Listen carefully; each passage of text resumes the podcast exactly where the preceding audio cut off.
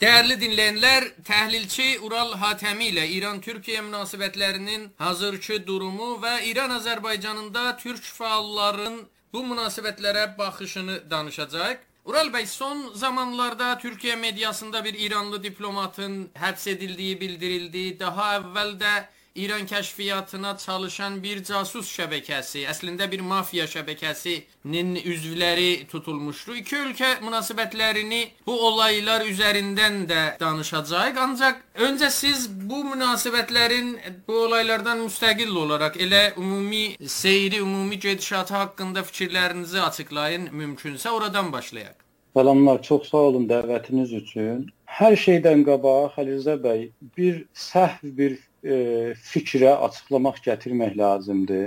Həm İranda, həm də Türkiyədə analizlərə baxdığımız zaman, hətta iki ölkənin universitetlərində aparılan bir sıra bu e, çalışmalarda, araşdırmalarda və ya bu mövzu ilə bağlı yazılan məqalələrə baxdığımız zaman iki ölkənin arasındakı münasibətləri, əlaqələri 500, 600 il və ya ən azı 400 il bundan qabağa qədər e, götürürlər.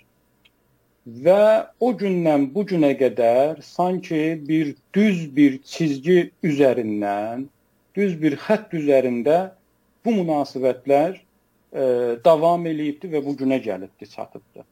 Bu mənə görə çox səhv bir yanaşmadır bu münasibətlərə. Çünki bu Anadoluda, Türkiyədə, Türkiyə Cümhuriyyəti qurulmadan qabaq və İran coğrafiyasında Pəhləvi dövləti qurulmadan qabaq bu coğrafiyalarda e, hökumət eləyən bu coğrafiyalarda gücü əlində tutan Osmanlı imperatorluğu və o coğrafiyada da, yəni İranda da məsələn Qacarlar, məsələn Səfəvilər olubdu. Yəni İran-Türkiyə münasibətləri dediyimiz zaman e, bu şəkildə məsələni oradan başlayıb bu günə gətirmək bu e, çox yanlış bir baxış açısıdır. O zaman iki türk dövləti bir-biri ilə ya yaxçı, ya da pis, ya bəzən dost olublar, bəzən düşmən olublar. Bu belə bir, bir, bir münasibətlər olubdu. Hətta zamanı gəlib bir-biri ilə döyüşüblər, zamanı gəlib bir-biri ilə barışıblar, qardaşlıqlarını aparıblar qabağa. Biz bu münasibətləri e, Türkiyənin Cümhuriyyət dövründə və İranda qurulan Pəhləvi dövləti 1925-dən sonrakı zamanı e, diqqətə almalıyıq. Ondan qabaqki zaman başqa bir e, seyri var, başqa bir əslən məsələnin mahiyyəti bir çox fərqlidir o zaman. Dövlət-millət sistemi e, bu iki coğrafiyada meydana gəldikdən sonra, oluşturulduqdan sonra bu iki ölkənin və ya bu iki dövlətin münasibətləri baxdığımız zaman bu günə qədər fərqli dövrlərdə çoxlu enişləri, çoxlu çıxışları, çoxlu krizlər olubdu, böhranlar yaranıbdı və birlikdə hərəkət eləyiblər, birlikdə həmkarlıq eləyiblər, bir-birinə qarşı ə, e, deyək ki, tutumları olubdu, tavırları olubdu. Bu şəkildə məsələyə baxmamız lazım. Birinci Pəhləvi dövründə Riza Riza Şah dövründə Atatürk e, zamanındakı o münasibətləri nəzərdə tutmaq lazım. Məhəmməd Riza Şah dövründəki Türkiyənin olan münasibətlər və inqilab, İrandakı inqilab, inqilabdan sonrakı məsələ. İnqilabdan qabağa, qabağa əgər nəzərdə alsaq, tək cümlədə desək, e, iki ölkə arasında bir yaxınlıq vardı. Bir e, soyuq savaş dövrünün gətirmiş olduğu şərtlərdə ikisi də e, bir şəkildə Qərb e, qutbunun, Qərb güclərinin e, yanında yer alır. E, Sovetlər Birliyinə qarşı İran inqilabı olduqdan sonra da yenə bu bu, bu bəlli dərəcədə idamə tapır, davam eləyir, ancaq böyük anlaşmazlıqlar e, meydana gəlir İran inqilabından sonra. İnqilabdan qabaq da təbii ki, çoxlu anlaşmazlıqlar var, bəzi müqavilələr var, bəzi anlaşılmadığı məsələlər vardı inqilabdan qabaq. İnqilabdan sonra e, İranda e, İslamcı bir ideolojinin Xumeyninin e, rəhbərliyində gəl o, oluşturulan, təsis olunan Cümhuriyyə İslamının o dini ideolojisi Türkiyədəki laik ideoloji ilə e, ziddidir və buna bunu bu bu əsas bir məsələ olur ki, Türkiyə ilə İran arasındakı münasibətlər tamamilə inqilabdan qabağa görə dəyişsin. İnqilabdan sonra bütün zehniyyət, hətta bu günə qədər bütün dövlətlərin zehniyyəti bu olubdu ki, Türkiyə Amerikanın bir qolu kimi Orta Asiyadan Xəzərə qədər, Xəzərdən Qafqazlara və e, Orta Şərqə qədər bir şəkildə Amerikanın siyasətlərini aparan bir ə, e, ölkədir, bir dövlətdir. Ancaq e, İran rejimi və ya İran analizçiləri bu, bunu düşünmürlər ki, Türkiyə müstəqil bir ə, dövlət olaraq müstəqil bir düşüncə otağına, düşüncə fikrinə, bir dövlət gələnəyinə sahib olan bir ə, dövlətdir və öz qərarlarını özü alır və ola bilər ki, zamanı gəlirsə Amerika ilə yanaşsın, ola bilər ki, zamanı gəlincə Rusiya ilə yanaşsın və ya başqa ölkələrlə yanaşsın. Bu hər dövlətin, hər ölkənin e, yaşadığı o dövrün, o zamanın şərtlərinə görə dəyişir. Ural bəy, Ancaq bütün dövrlərdə İranın belənçi bir e, dövlət, Türkiyə dövlətini günahlandırmasını biz bütün zamanlarda bu günə qədər 41-42 ildə görürük. Ural bəy, bu İran agentlərinin həbsindən əlavə İraqda da iki ölkə arasında bir bir qarşı durma var. İraqda İrana yaxın qüvvələr Türkiyə əleyhinə orada mövqe tutur. Bütün bunları iki ölkə münasibətlərindəki o ümumi seyrin içində siz dəyərləndirirsinizmi, yoxsa bu olayları fərqli şəkildə dəyərləndirmək lazımdır? Biraz qabaq dediyim o, e, biz hələ inqilabdan sonrasını nəzərdə tutarsaq və hətta ondan qabaqki dövrdə Pəhləvi dövründə də bu eniş-çıxışlar çox olubdu iki ölkə arasında. Yəni bugünkü böhrandan, bugünkü krizdən daha da dərin krizlər yaşayıbdı bu iki ölkə arasındakı münasibətlər. Biz baxdığımız zaman xüsusən Türkiyə tərəfindən bir rasionel və praqmatik bir e, siyasət aparılır və bu səbəb olur ki, münasibətlər, əlaqələr nə qədər də bir e, böhrana girsə, o böhranın içindən çıxsın. Mən bunu Türkiyə dövlətinin e, e, beynəlxalq əlaqələrində, İranla olan əlaqələrindəki o e, məntiqi və o rasionalizminə dayandırıram. Yoxsa e, İran dövlətinə qalırsa, məsələ daha da dərinləşər, daha da fərqli yerlərə e, gedər çatar. Biz Qarabağ savaşından, döyüşündən sonra gördük ki, necə histerik hərəkət elədilər və bu münasibətlər hara gedə bilərdi? Biz gördük ki, Türkiyə dövləti idi ki, onun qabağını aldı və bir şəkildə münasibətləri normalləşdirməyə tərəf götürmək istədi, amma hələ də bu e, proses davam edir.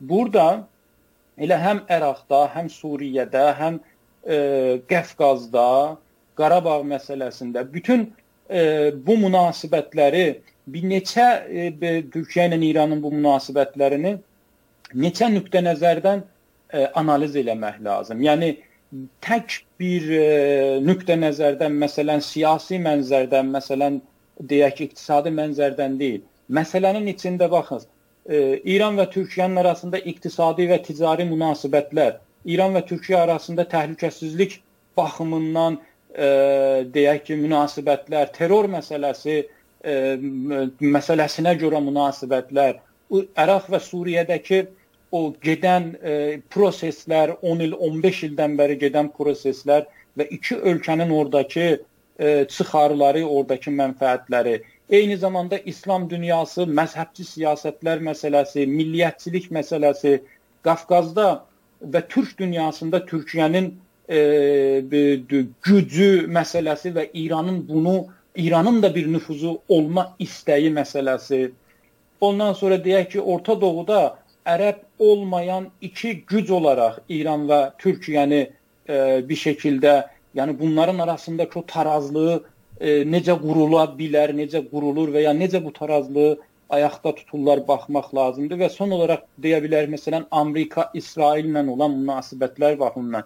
Yəni bütün bu e, faktorları, bu nöqtə nəzərləri diqqətə alıb e, elə həm e, Əraqda gedən məsələləri, həm e, son zamanlarda terror qrupu PKK məsələsi, ondan qabaq e, e, Qarabağ məsələsini, bütün bunları e, analiz eləmək lazım. Burada bir məsələni də nəzərdən saldım, onu da deyim bu nöqtə nəzərlərin içinə bir də İrandakı Güney Azərbaycan məsələsi və Türk məsələsini də bu məsələyə Ural bəy, Güney Azərbaycan məsələsinə gəlincə, oradakılar var, yəni Orada biz baxırıq e, Şərqi Azərbaycan vilayəti və Qərbi Azərbaycan vilayəti olaraq orada Türkiyə ilə bunlar münasibətlərinin genişləndirməsini istəyirlər. Hətta buna biraz da vilayətlərin İsfahan kimi vilayətlərin iqtisadi vəziyyətini müqayisə edərək də baxırlar. Bir tərəfdən türk fəallar Türkiyədə, Türkiyə mediasında onların xəbərlərinin daha çox yayılmasını e, istəyir. Güney Azərbaycan məsələsinə gələndə, türk fəalların məsələsinə gələndə də gözləntilər çox sadə gözləntilər deyil, biraz mürəkkəbdir, elə deyilmi? Doğrudur. Yəni Güney Azərbaycan, yəni genel olaraq milli hərəkətin bu məsələ ilə bağlı tək bir baxışa sahib olduğunu mən görmürəm. Yəni hərəkətin içərisində fərqli e, görüşlər vardı İran və Türkiyə münasibətlərinə və burada Türkiyənin Güney Azərbaycan məsələsindəki roluna fərqli yanaşmalar var. Fərqli idələr, fərqli e, həd hədəflər və ya idələr vardı və ya ideal tiplər düşünülür milli fəallarımız tərəfindən. Ancaq bunların bəzisi Türkiyə gerçəklərini diqqətə almadan e, düşünülür.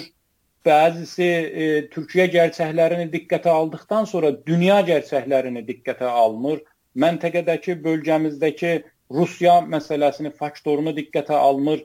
Burada İsrail, Amerika faktorunu diqqətə almır, Avropanı diqqətə almır. Yəni ideal tip Türkiyə-İran ilişkiləri milli hərəkət açısından, baxışından budur ki, yəni belə anlaşılır ki, Türkiyə bütün gücü ilə Güney Azərbaycan məsələsindən ə, e, müdafiə eləsin və bunu İranla olan münasibətlərində birinci dərəcədə e, deyək ki, e, danışsın və gündəmə gətirsin.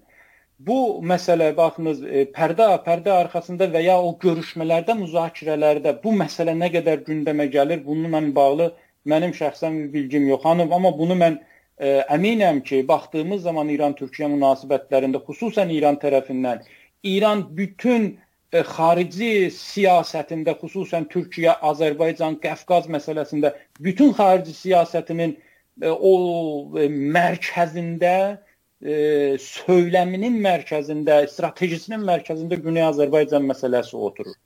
Türkiyə bu məsələni nə qədər istifadə eləyir və ya bu məsələni nə qədər Güney Azərbaycan ləhinə e, istifadə eləyir, bu məsələ mübahisə oluna bilən bir məsələdir. Ancaq Son olaraq bunu demək lazım. Biz gerçəkli, gerçəkçi bir baxış açısı ilə bu münasibətlərə baxmamız lazım. Türkiyənin e, olduğu bu şər şərtləri nəzərdə tutmamız lazım və özümüzün də şərtlərimizi nəzərdə tutmamız lazım. Münasibətlər hər nə olursa olsun Türkiyə-İran münasibətləri fəallarımız Güney Azərbaycan milli hərəkat fəalları mənə görə bəlli ilkələrindən vaz keçməmələri, bu ilkələri e, hər şərtdə e, nəzərdə tutaraq hərəkət eləmələri e, görürük və daha da e, bunun artıq olması mənə görə vacibdir.